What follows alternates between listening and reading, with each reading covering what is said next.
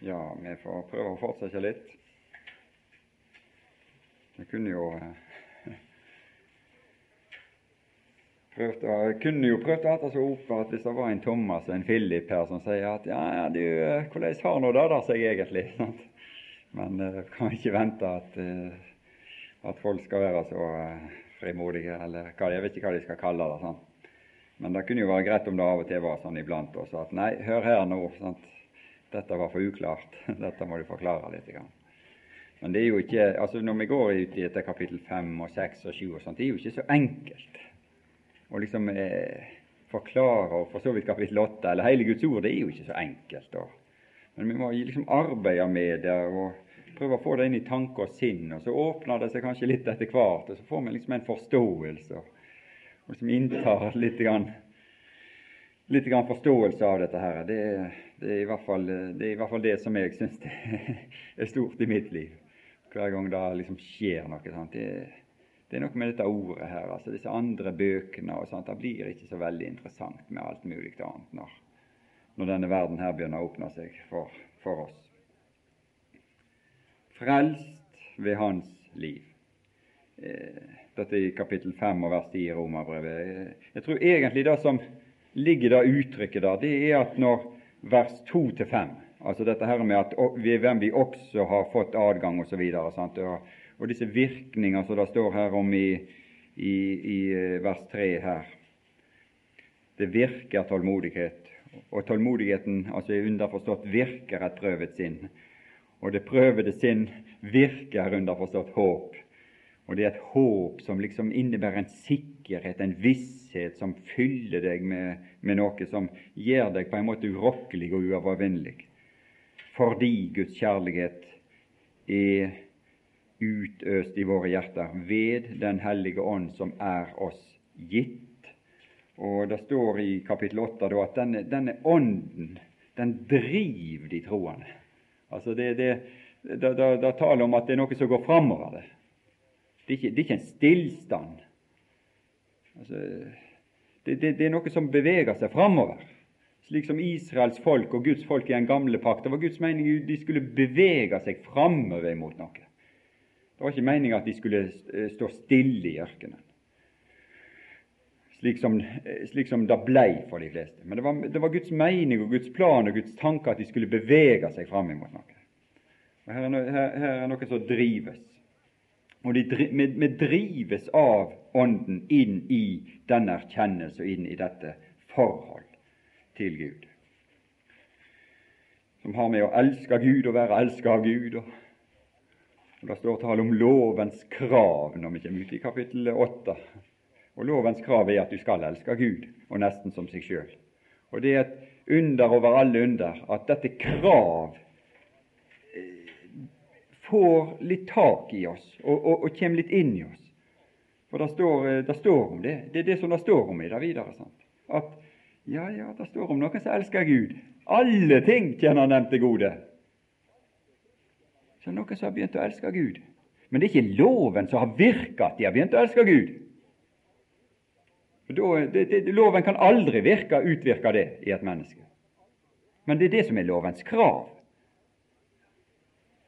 Men det er ikke, loven som har utvirka dette i oss, for det er noe annet.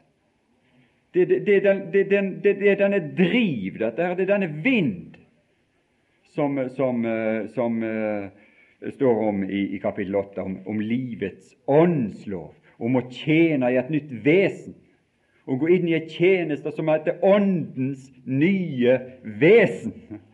Og da står det tale om å elske Gud. Og Når du går litt lenger utover i, i disse kapitlene her, da, så ser du jammen at, uh, at uh, i kapittel 13 så står det jammen om at du har begynt å elske nesten. Og det er svære greier.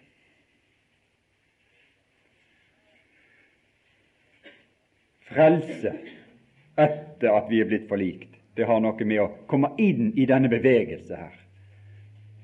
Uh, gjennom disse versene her, kan du si, eller gjennom det som disse versene her omtaler, og disse kapitlene framover omtaler. Denne frelse, denne, denne virkning i våre liv, det skjer ved hans liv. Like lite som vi kan frelse oss sjøl eh, liksom som syndere i en fortapt verden og ut, ut av den situasjonen. Akkurat like lite kan vi frelse oss sjøl etter at vi er blitt forlikt. Det er ikke mulig. Det er ved Han, ved hans liv. Og som sagt, disse kapitlene framover her, de skal hjelpe oss liksom til å, å prøve å få tak i, i, i noe av, av, disse tingene her. Og, og, og, at det kommer fram i vår erkjennelse, i, i vårt liv, og, og får virkninger òg i våre liv. Sant? At, at, at det blir livsinnholdet vårt kan forandres litt.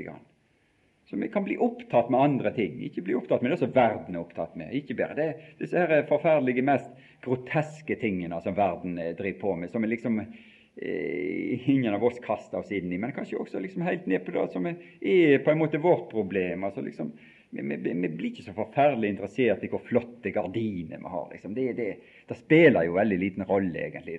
Skal, hvor mye tid og krefter og omtanke skal vi bruke på den slags ting? Eller på hva vi skal kle oss med? Og liksom, og, og, og, liksom få en veldig, Vi blir så opptatt med altså sånne ting, altså dingeldangel som vi liksom har i, i, i denne verden. Vi, er òg revet med i det der. Forferdelig mye på grunn av vår velstand. Så er det veldig lett for å, å, å, at tanke og sinn og liv og, og sånt begynner å dreie seg om den slags ting. Men vi må, vi må liksom eh, eh prøve å få liksom dreie det, tingene vekk fra disse tingene. For det egentlig så er det fryktelig uinteressant liksom, om, om trøya di er så og så fin eller hun ikke er fullt så fin. Egentlig totalt uinteressant. Vi får ha, vi får ha mat og klær, og så får vi nøyes med det som, som står i Hebreabrevet 13. Skal nøyes med være fornøyd. Ja, ja. Har vi litt god råd, så får vi heller kle oss litt. Og har vi lite råd, så er vi fornøyd med det òg. Så, så liksom, at, at, liksom ikke livsinnholdet blir all slags den slags ting, men at vi, vi, får liv og tanke for noen andre ting. Og Da har vi noe å gå med til våre omgivelser, og til verden og til de andre troende, og kan bety noe for noen og tilføre evige verdier til våre omgivelser. Eh, når vi kommer her, eh, videre her i kapittel 5, fra vers 10 og nedover her, så blir det presentert på en måte to rike for oss. Altså to, eh, to troner. To slags liv eller livsutfoldelse, livsinnhold, om du vil. Og to slags resultat, virkninger. Og det blir åpenbart for oss ulike lover som Gud har satt inn, og som, som eh, virker, og som gjør seg gjeldende i disse land og i disse riker som blir presentert for oss. Og Jeg for min del jeg har sett en, to, liksom, en overskrift eller en betegnelse på disse to rikene liksom sånn ut ifra det som jeg har lest om dem. Og Det ene er rett og slett dødsriket. Et dødens rike. Og så det et livsrike. Livsens rike. I, I vers 20 så står det om hvor synden, hvor synden eh, ble stor, ble nåden enda større, for at like som synden hersket ved døden, den hersker, de troner som er presentert for oss, synden. Så skulle også nåden, de troner, herske. Nåden herske, de troner som reises for oss her. Ved rettferdighet til et evig liv ved Jesus Kristus, vår Herre. Den ene slags det, det, det, det, som foregår der synden hersker, det, som det foretak, det som, det som drives der, det fører det, det, det, er, det er det som Bibelen kaller for synd. Altså, I disse første kapitlene her, i kapittel 6 og 7, og sånt, og så, så er det bare i grunn bare brukt det ordet synd. Det, det, beskriver veldig lite konkret hva dette egentlig er. Men eh, det fins rikelig konkret beskrevet når du kommer lenger ute i romerbrevet. Men, men det har, med, det har med, med, med, liksom at synden hersker. Hvordan hersker han? Han hersker i, mitt, i mine lemmer. Sant? Altså ved at, at det, er noe, det, er noe det er det vi gjør, og tunga mi f.eks., og, og, og, og liksom lemmene mine, og det jeg gjør, og det jeg er. Liksom det, det lova som, det, det, utgår et bud fra ei trone som heter, der synden sitter, og bestemmer at 'dette skal du si', 'dette skal du gjøre', 'slik skal du være'. Og vi har ingen mulighet til å ikke følge den kommandoen som, som utgår der. Det kan uttrykke seg på forskjellige måter, vidt forskjellige måter. Liksom et helt spekter av livsutfoldelse, men det er et liv utenom det som er i samfunn med Gud. Og så har du noe annet som utspiller seg ifra nåden. Noen andre virkninger som utgår ifra nådens trone. Og det er det som er dette her forunderlige, denne her åpenbarelse når Kristus stiger fram i begynnelsen på Romerbrevet 8. Og så stiller jeg meg opp, og så ser jeg på denne mannen. Når han beveger seg på jordens overflate, i, det, i, i, dette riket her. Og så kikker jeg på han, og så ser jeg ja, men han er jo nøyaktig lik meg. Legemet. Et syndig kjøts lignelse. Nøyaktig likt. Jeg går bort og tar på han og liksom Ja da, han har til skjegg, så du kan ta han litt i her. Du føler på han der. Ja da, det er kjøtt og blod, dette her òg. Akkurat likt. Syndig kjøts lignelse. Men der stanser likheten. For når han åpner munnen, så går det ikke ut død og fordervelse av den munnen. Og når han beveger sin arm, så er det liv, liv, liv, liv. Alt med han er livlighet. Alt med han er liv. Det er ingenting som er forbundet med død i hans utfoldelse på denne jordens overflate. Og likevel dør han. Men når han dør, så er det for å ta et oppgjør med den død som hersker i mine lemmer, for å fri meg ifra den død og den trelldom og de, det som er der. Og ta den fordømmelse som hvilte over mitt liv, bort ifra meg og føre meg inn i en annen tilværelse og i andre omstendigheter, inn i et nytt rike. Det er det som er denne ufattelige ting som er beskrevet for oss i, i begynnelsen på Romerbrevet 8. Det, det, det, det, er så betagende Det er så betagende at uh, jeg blir helt uh, Jeg blir helt liksom Å betrakte Jesu ferd på denne jordens overflate. Se hvordan han er.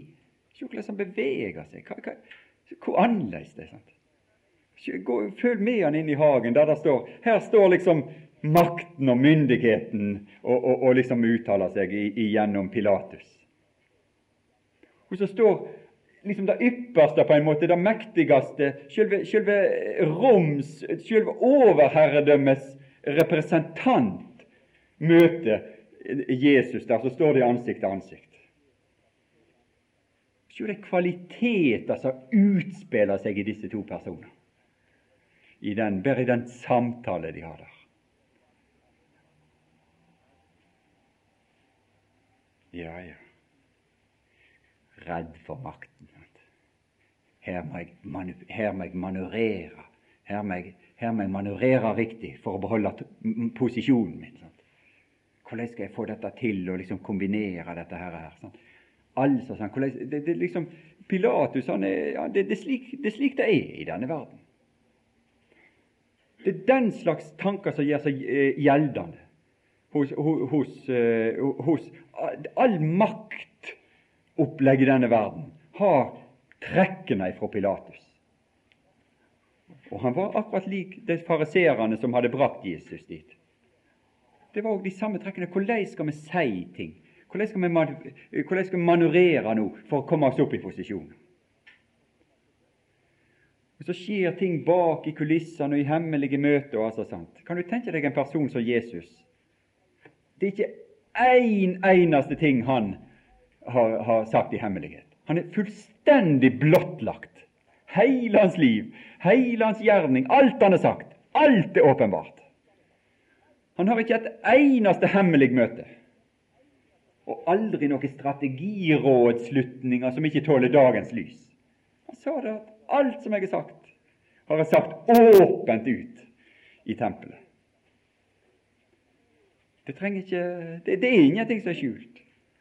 Og han slepte Judas like inn midt inn i sin midte som en, en, og kan kontrollere hans minste bevegelse og hvordan han var på det, på det interne planet.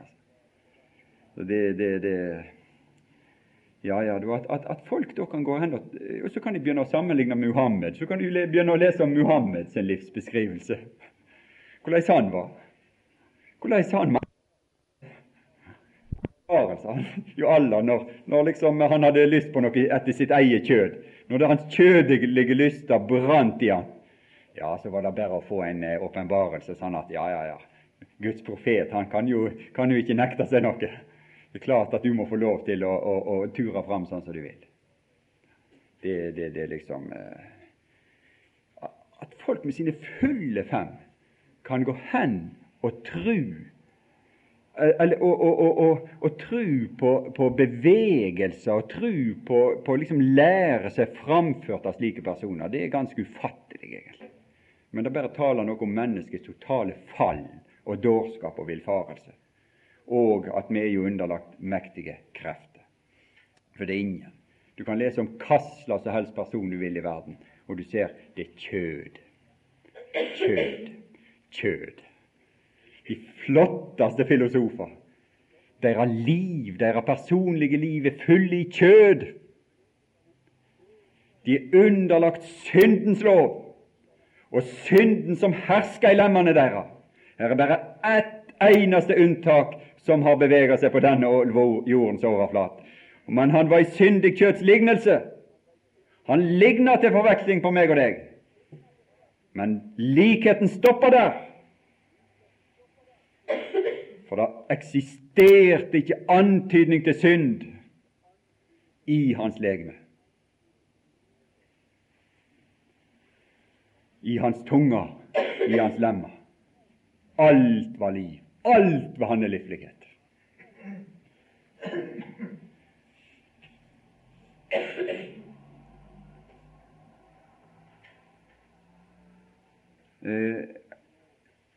de ulike lover som rådet som Gud har innført. Nå står det her i, i kapittel 5 og vers 20 så står det om noe som heter loven. Loven kom til, står det, for at fallet skulle bli stort.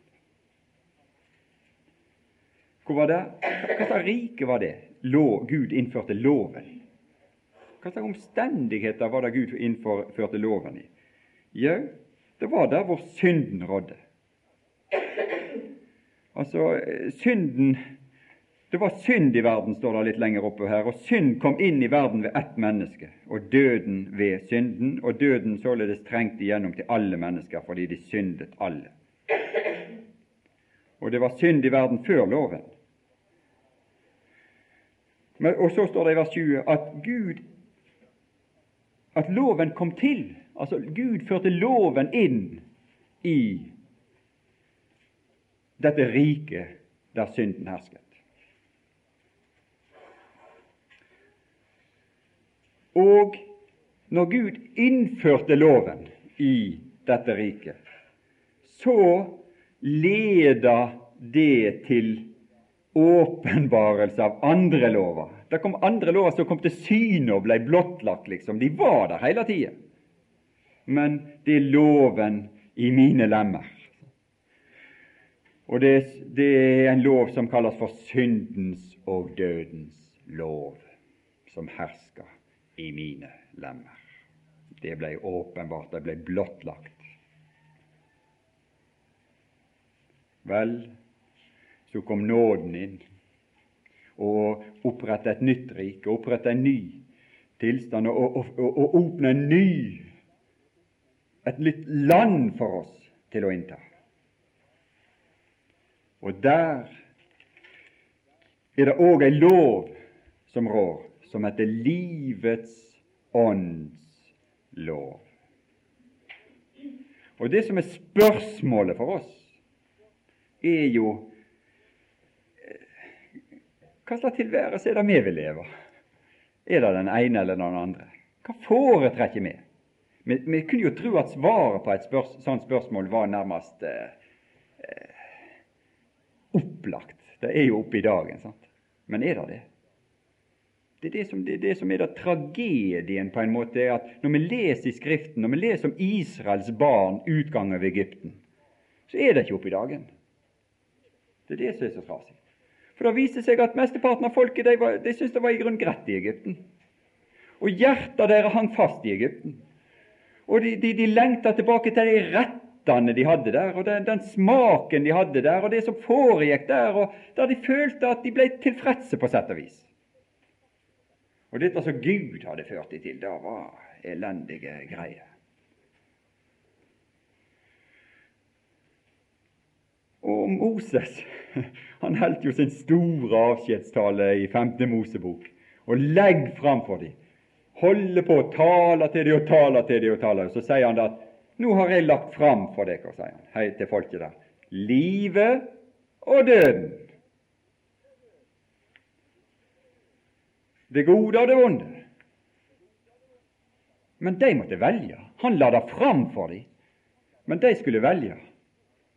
Og så gir han dem et råd. Han sa ja, det skulle jo være helt unødvendig å gi dem et råd. skulle ikke det? Det var jo helt opplagt hva de ville velge. De ville jo velge livet, ville ikke det? Han sier det 'velg da livet', sier han. Men han sier seinere at 'jeg veit hva som kommer å skje'. Det kommer å velge døden. Og det sier Paulus òg om meningen. Jeg vet, sa han, at etter min borka. Jeg vet. Han veit hva som skulle skje. Men det, det, det, likevel, til tross for dette her, så er det, er en, en, mulighet for meg og deg og, og, og for oss å velge en annen vei. Og, liksom komme inn på en annen vei. Og være, være en sånn som sa at nei, jeg vil, jeg vil strekke meg ut, jeg vil la meg drive til et annet liv enn eh, det som er i døden, og det som, det som går det livet som går fortapt, om du kan si det sånn, som er under dom. Det er det, det, det, som er det store spørsmålet. Skal vi holde ved? Hva skal vi da si? Skal vi holde ved i synden? ja, merkelig spørsmål. Skal vi gå tilbake til Egypten, sånn så skal, skal vi skal vi velge oss en konge sånn som de ville, og gå tilbake til Egypten. Det var det de ville. La oss velge oss en fører og vender tilbake til Egypten. Hva skal vi da si? Skal vi holde ved i synden for at nåden kan bli der større? Det er ikke det som er Guds tanke. Vi, vi, vi skulle være frie fra det. Vi løste løst fra de der tingene. Vi vekk fra de tilstandene der. Gud førte oss ut av disse tingene for at vi skulle leve et annet liv med et annet innhold, med helt andre, under helt andre forutsetninger i det landet og det riket som Han har kalt oss til.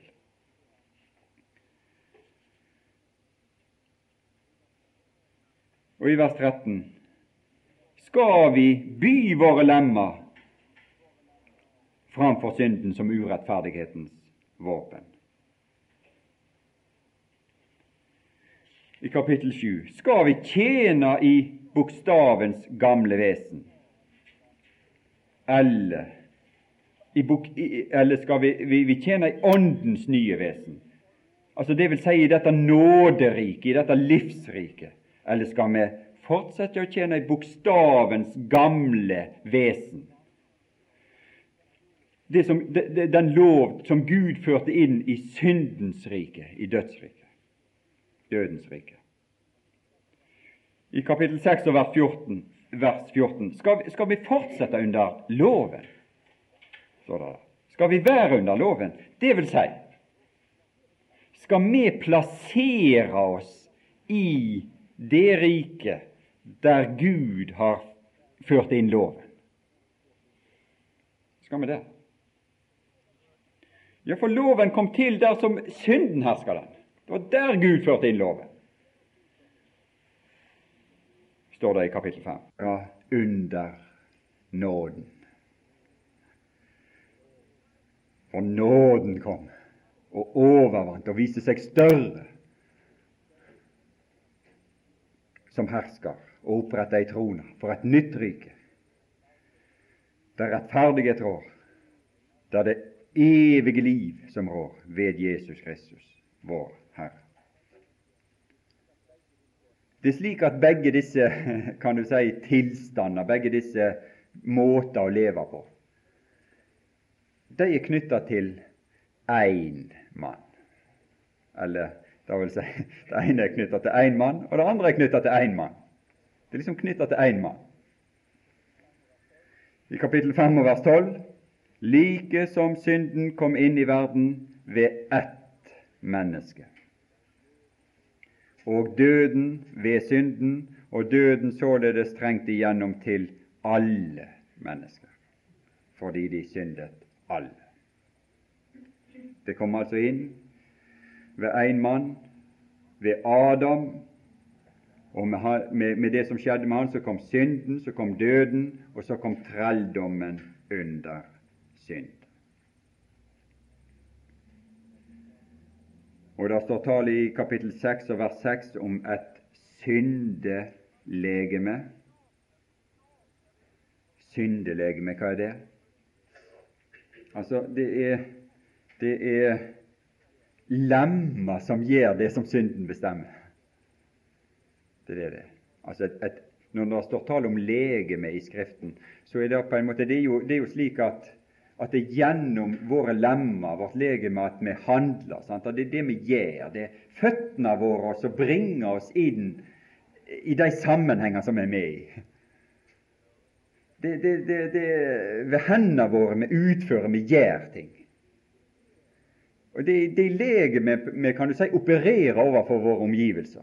Det er gjennom vårt legeme. Det er ved tunga vi kommuniserer med våre omgivelser. og noen, Nå er de så forferdelig opptatt med kroppsspråk. Det er visst viktigere enn dette andre i sånn moderne ledelsesfilosofier og sånt. Og de må jo stadig finne på noe nytt liksom, for å skaffe seg et yrke, disse som driver med det. Og gode inntekter har de òg av det. Det er liksom moteretninger innenfor sånne ting. Liksom, og, men det er jo klart det er noe sant i det. Vi uttrykker oss, og vi er for våre omgivelser, så er vi ting gjennom legeme. Og her er et legeme eh, som Og det er bare det at dette legemet det er, det, det, er, det er på en måte lagt under ei lov. Det, det, det handler i henhold til lover, og det er kalt for syndens lov. Jeg er kjødelig, sier Paulus, solgt under synden. Altså solgt under forstått som trell under synden i kapittel 7. I vers 12 her i kapittel 6 så står det:" La derfor ikke synden herske i deres dødelige legeme, så dere lyder dets lyster, eller begjæringer. Det viser seg at i dette her legemet så er det lyster og så er det begjæringer sant, som krever lydighet. Så, som, som, vil ta kommandoen også. Sier at det skal du gjøre, slik skal du gjøre, slik skal du og så videre. De ønsker at vi skal lyde dem, den stemmen der. Og Det er jo voldsomt inn i dag å gjøre det.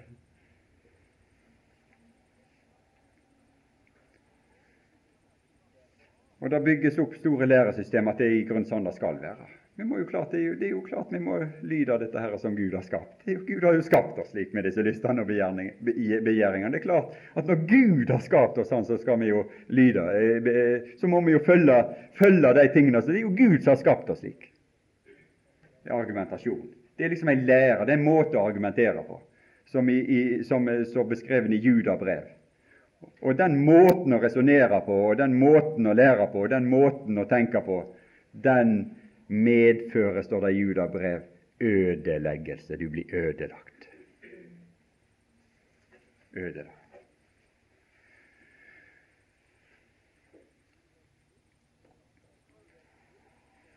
Det er ei frukt, står det her, av disse ting i kapittel 6. Og i vers 21 hva frukt hadde dere den gang? Altså, det, det, det, det skaper noe. Det, det, liksom, eh, det, blir noe ut av dette her, slikt som dere nå skammer dere over. For utgangen på det er døden. Og det står tallet i vers 23 den lønn som synden gir, er døden. Ordet lønn der, det, altså helt opprinnelig så er det ordet der, det betyr egentlig eh, kokt kjøtt. Altså, og Det ble senere brukt eh, generelt, om, eh, generelt om forsyninger. altså sånn, altså liksom De, de ble matforsyninger generelt. og Atenerne de brukte det om fisk og Senere ble det brukt om de forsyninger, det som, det som en hærfører eller en konge eller en sånn gav til de som lot seg verve til hæren sin. For, han, du vet, i, i, gamle dager hadde de ikke hærer i den forstand at, at, at, det var noe verneplikt. eller noe sånt, Men de som hadde stor makt og myndighet, de, de, de skaffte seg folk ved at folk verva seg som legesoldater, og så fikk de en lønn for, for, for det. der. Altså De fikk fikk eh, noe, noe, igjen for den tjeneste som de hadde i Herren. Og det er det, ord, det er det, som ligger i det ordet den lønn som synden gir. Hvis vi byr våre lemmer frems for synden som urettferdighetsvåpen, at vi går inn i syndens hær, om du vil, så, synd, så, vil, så vil vi også motta syndens forsyning, det som Han gir det som Han forsyner oss med, det som synden lønner sine eh, soldater med, nemlig døden.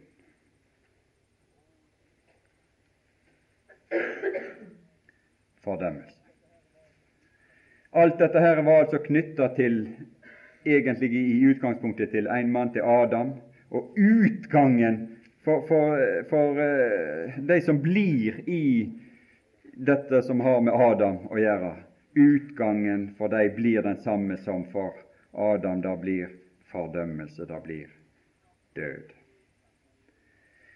I 5.18 så står det at like som ens fall ble til fordømmelse for alle mennesker, til fordømmelse for alle mennesker. Fordømmelse, hva er det?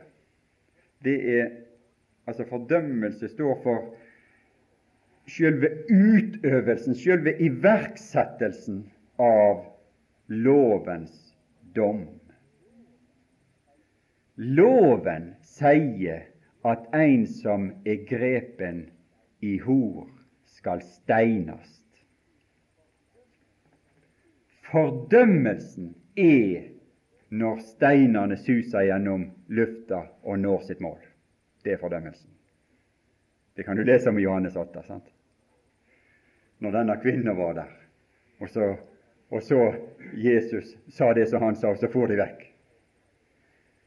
Og så sier han til denne kvinna Kvinne, har ingen ikke steina deg, men fordømt deg. Har ingen fordømt deg. For lovens dom var at hun skulle steinast. Men når de for, disse her, her så sier han har ingen fordømt deg. Men her står det like som ens fall ble til fordømmelse. Det er en fordømmelse. Det som Jesus sier der, betyr ikke at fordømmelsen er oppheva som sådan men for den som tror, for den som kommer inn i, i, i, og tror på Han, så rammer fordømmelsen Han i, kapittel 8. Og så fordømte Gud synden i kjøtet i kapittel 8 vers 3, i Han.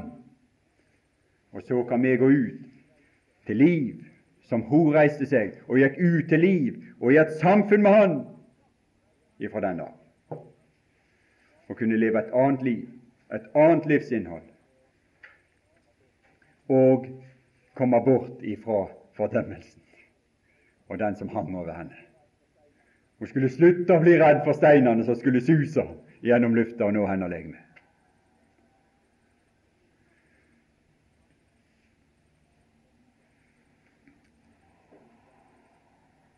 Vårt gamle menneske, står det i kapittel 6 og vers 6, eh, vårt gamle menneske Vårt gamle menneske. Adam. Dets skjebne er fordømmelse. Og den som ikke ved tro, ved gjenfødelse, ved, ved, ved tro på Jesus, er blitt et nytt menneske, han blir i det gamle for tid og for evighet, og må bli i den fordømmelsen og dom.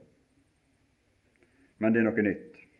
Og det nye, og dette nye liv, og dette ny, denne nye tilværelse.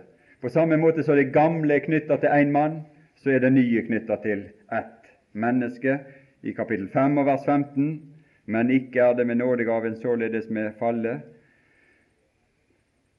for det er for er de mange døde den enes fall, da er meget mere Guds nåde og gaven i det ene mennesket Jesu Kristi nåde.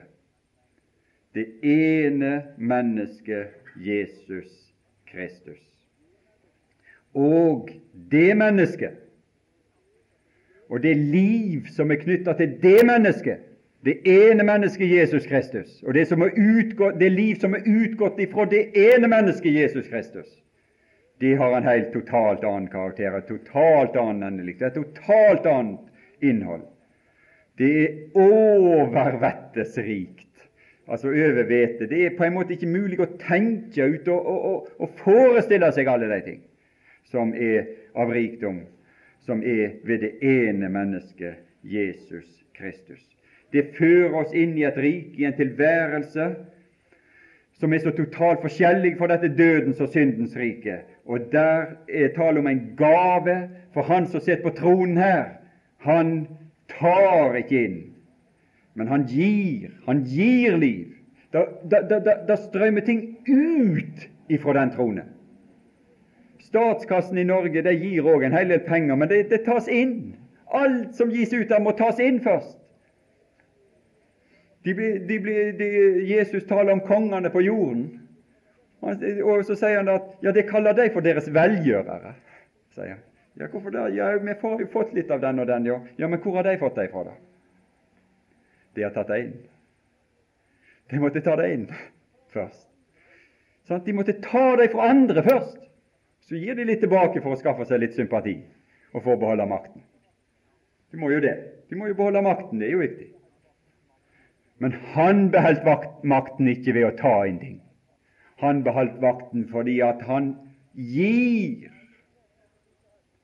Han har aldri krevd noen ting som helst. Han gir, han. Han har ressurser, han. Og Når vi ser hans trone stiger stige fram i Skriften, så veller det ut derifra. Denne strøm som veller ut derifra. Det skal ikke bli nødvendig med, med noe sånn kunstig vann i Israel når han er tilbake. Det er fordi de, dette landet fortsatt er under forbannelse, det, at det er nødvendig med, med, med kunstig vann. Nå er det så store problem der nede at, at de vet ikke hvor det blir av vannet, grunnvann og alt dette her, her, og forurensning og elendighet vi er i ferd med å ødelegge dette landet. Det er djupt alvorlige problem av vann. Men hva sier Skriften om de saker der? Når Han sitter på tronen, så skal det velle ut vann fra Hans trone. Og det skal lage fruktbare tilstander. Og frukten skal, skal, skal bæres tolv ganger i året, og du skal gå og plukke av trærne. Det er Han. Slik er Han. Han skal ikke utarme det verste vannet som er der. Han skal tilføre vann i rikelige mengder. Og slik er han i alle forhold. Liv for at han skal gi liv. Du, sier han til, til, til, til, Faderen, du har gitt han all makt for at han skal gi evig liv. Han skal gi liv. Det er derfor han har fått makt. Det er derfor han har kommet på tronen. Det er det han skal bruke kreften og makten sin til å gi liv. Derfor står det tale om en gave her. En gave, en gave, en gave, en nådegave. Det er fullt av gaver, dette her kapittel 5. Gaven, nåde i vers 15, og nådegaven i vers 16. Og i vers 17 rettferdighetsgavens overvettes rikdom. Veldige ting. Vi skal leve og herske ved den ene Jesus Kristus. Alt er knytta til Han. Alt er knytta opp mot denne ene. Og Vi leser om den samme gave i kapittel 6 og vers 23. Guds nådegave er evig liv i Kristus Jesus, vår Herre. Alle disse forhold er med Han. Forlikelsen, frelsen, var med han, eller den forlikelsen eh, var med han i hans død. Frelsen er med hans i hans liv etter hans oppstandelse. Er død med han, sier kapittel 6, for å leve med han. Med død med han fra det gamle for å leve med han i det nye. Og i, i, i, vers 11 i kapittel 6 år Vi skal akte oss som døde for synden, men levende for Gud. Hvordan? I Kristus Jesus. Med Han.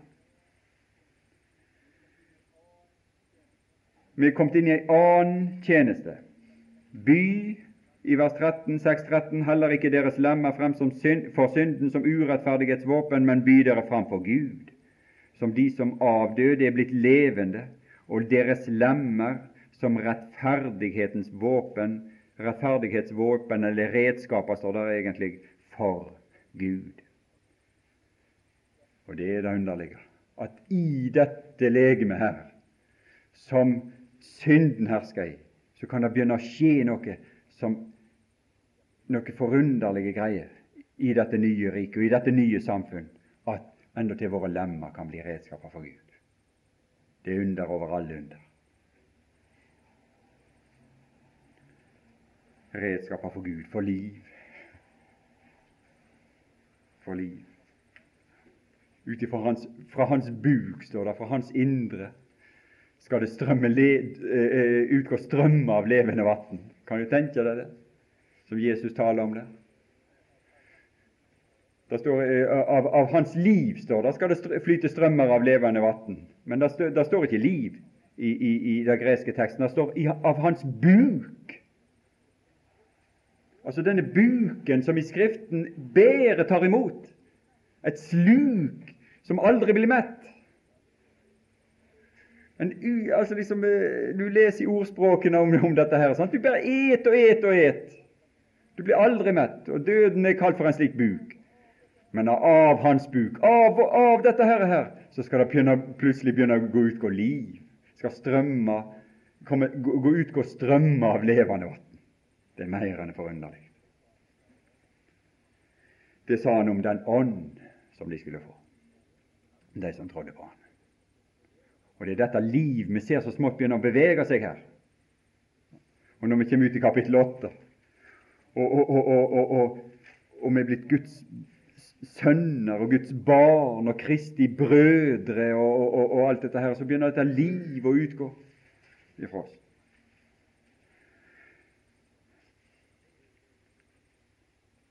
Så det, det, det er liksom eh, å komme inn på dette sporet og inn i dette som, som vi blir tilskynda til her. Og Det står i kapittel 6 og vers 17.: Men Gud være takk at dere vel har vært syndens tjenere, eller treller, om du vil, men nå av hjertet er blitt lydige mot den lærdomsform som dere er blitt overgitt til. Det står tale om et hjerte, det står tale om lydighet, det står tale om lære. I Skriften er lære Altså, hva er lære for noe? I Skriftene lærer det samme som gjerning. Altså, hvis du leser f.eks. i Åpenbaringen, så, så, så, står det tale om nikolaitenes lære. Men så står det tale om nikolaitenes gjerninger. Lære og gjerninger er alltid knytta sammen i Skriften. Og det er det i vårt liv òg.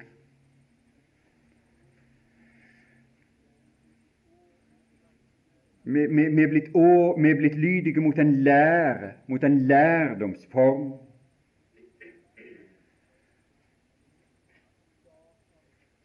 Det er noen som, som lar naturen eller lystene lære seg hva de skal gjøre. Sant? Hvem lærte dere?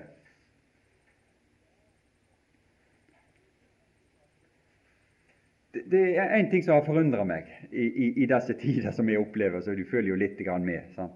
Og så det at, Hvorfor er det så umåtelig viktig for disse her eh, folk som ikke bryr seg om Gud borte i, i Oslo, som styrer dette landet, å få Eh, kan du si, biskoper og prester og professorer og altså sånne ting, da, som fører ei lære som, gjør, som er i overensstemmelse med den praksis de sjøl fører. Hvorfor er det så viktig for dem? Det er merkelige greier. De behøvde jo ikke bry seg om, eh, om disse tingene her. da. Men det synes å være noe underliggende at ja, vi må få ei lære, vi må få en autoritet som liksom har et slags navn av å stå i forbindelse med Gud eller representere Gud, som kan si den praksis som vi vil ha. Som kan si at ja, ja, ja, at, at altså, det, det, det, det, er slik det Du kan godt, du kan godt leve slik. Det er helt ålreit, det. De må, de må, innsette en autoritet som fører ei lære, som, som, eh, i, som rettferdiggjør en praksis. Det er merkelig. Mennesket krever ei lære som rettferdiggjør en praksis. Og Du har det i 2. Timoteus kapittel 4, som Paulus taler om tilstandene i menigheten, at det som skal komme og skje. Det skal komme en tid der de tar seg lærere i hopetall, fordi det klør de i øret. Hvorfor det? For de må ha lærere som rettferdiggjør praksisen. Vi er sånn, vi. Vi ønsker det. Vi vil ha, ha liksom noe som, som, som uh, på en måte gjør at vi kan på en måte leve det livet vi lever med god samvittighet. Sant? Veldig greit. Og Hvis vi da har en autoritet og en lærer eh, Jeg vet det var ei gammel dame i Oslo som, eh, som, hørte på han, en som heter Harald Bekken, som er sånn eh, sogneprest borti ei kirke der. Så hadde, han hadde en sånn gudstjeneste der han sa at liksom, da, han avskaffa fortapelsen. Det hadde gjort de nå, den er gjort for lenge siden. Da, men han, han gjentok nå den læra at det ikke var noe fortapelse. altså sånne ting. Hun var så letta, hun der gamle kona. Tenk det! Endelig kunne hun sove trygt om natta. Endelig kunne hun liksom eh, eh slappe av fra den saken. der, For nå, hadde, nå var det framført en lærer som, som, liksom eh, gav henne fred og gav henne ro for dette her. Av en autoritet, av en slik person i en sånn stilling. En lærer. Ja En må ha liksom en lærer som støtter opp under under sine tanker og sitt liv og sin praksis. Det var bare det at det er et spørsmål i Skriften som, som er så, så liksom tar glansen av hele dette fenomenet, det, og det er det spørsmålet som lyder i evangeliet. Hvem lærte deg å fly fra den kommende vrede? Det er ikke det samme hvem du lærte det av. Hvem lærte deg? Hvem er det som har framført den lære? Hvor stammer den ifra? Det er spørsmålet. Hvem? Vår lære. Vår lærer. Vi har bare én lærer. Vi har bare én som vi kan få tingene ifra, og det er Kristus. Og Han sier at hans lære er av Gud. Og det som beviser at hans lære, den lære som han framfører, er av Gud, det er at den åpenbarer Guds herlighet. Den fører et menneske inn for Guds herlighet. Og den som er innenfor Guds herlighet, skal, skal, skal, så, så, blir disse ting et liv i synd. Det blir en umulighet å få godta det. Esaias, når han i kapittel 6 ble ført inn i Guds herlighet, så, så, så, framtvang det seg en erkjennelse i han at jeg er en mann av synd, og jeg bor midt iblant et folk fullt av synd. Kontakten, nærheten med Guds herlighet hadde slike virkninger han. Når, men det er folk som fornekter den herlighet, som kan si at vi skal leve etter våre lyster. og som kan, si, så, så kan, framføre sånne ting at ja, men det er jo Gud som har nedlagt de og slike drifter og egenskaper, så vi må jo utleve det og leve etter dem. Det, det, liksom den, det, det resonnementet og den måten å lære på, det er fordi at de ikke er i nærheten av Guds herlighet. Men Jesus, han de skulle, de skulle få kjenne, de skulle få merke, de skulle få prøve om læren var av Gud, sa han.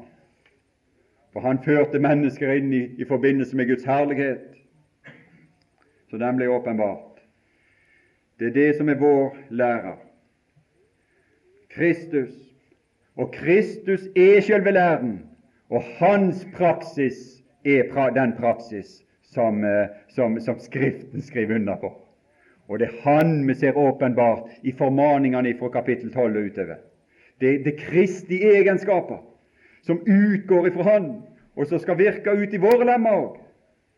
Så kan vi jo begynne å lese kapittel 12, og så vurdere litt grann, hvordan det står til, liksom, og, og, og, prøve oss opp imot det. Men noe av dette her kunne gjennom Kristus gå inn i oss, så vi kunne være ømhjertede mot hverandre i broderkjærlighet og kappes opp om å hedre hverandre. Så vi kunne ta oss av de hellige i deres trang og, og legge vind på gjestfrihet. Så vi kan velsigne den som forfølger oss, og, og ikke forbanne så kunne vi gråte, glede oss med de glade og gråte med de gråtende, osv. Ikke gjengjelde noen ondt med ondt, osv. En mengde ting som, som, står beskrevet her utover, som, som, som, er, som, er, på en måte en konsekvens som kan så smått begynne å ta, ta, ta, ta bolig i oss og utøves i, oss gjennom våre gjerninger, gjennom våre lemmer, ved at vi av hjertet er blitt lydige imot den lærdomsform som vi er blitt overgitt til. Og vi er blitt overgitt til Kristus og denne lære som er om Han. Det er Han som er selve læren. Og For Han åpenbarer Guds herlighet, og Han fører oss inn i forbindelse med Guds herlighet. Og eh, ja jeg tenkte da å, å si litt om, om, disse tingene her da, videre, kanskje i morgen. Og, og se litt grann da i, i, forbindelse med kapittel 8 og litt kanskje i kapittel 7 og sånne ting. da. Så vil vi takke deg igjen, Herre og Frelser, for, for ditt ord, fordi du kom ned til denne jord, fordi du åpenbarte deg iblant oss fordi du gav deg sjøl hen for oss, fordi du ofra deg for oss, fordi du gav livet ditt for oss, for å føre oss inn i dette vidunderlige riket, dette vidunderlige forhold, inn til Guds trone, inn til nådens trone, inn til det sted som selve livet utgår ifra, Inntil disse overvettes store ting og rikdommer. Men eh, vi må jo innta disse ting i tro. Og vi må leve i tro. Og vi må innta disse ting for i den usynlige verden mens vi er her. Men vi ville be om at vi måtte begynne på denne vandring, eller fortsette på denne vandring så langt vi har kommet, og, og la oss drive fortsatt imot deg, imot din person, og innta mer av din person i den tid vi har igjen i denne verden kunne noe også av dine kvaliteter og ditt liv utgå ifra våre lemmer til våre omgivelser. Det vil vi be om. Vi ber om igjen for folkene som er samla her, for dine som er samla her, og for dette stedet, og for den enkelte troende her om at noe av ditt vann og ditt liv også måtte renne ut til disse fortapte, ynkelige sjeler som er vandrer iblant. Herre Jesus. Amen.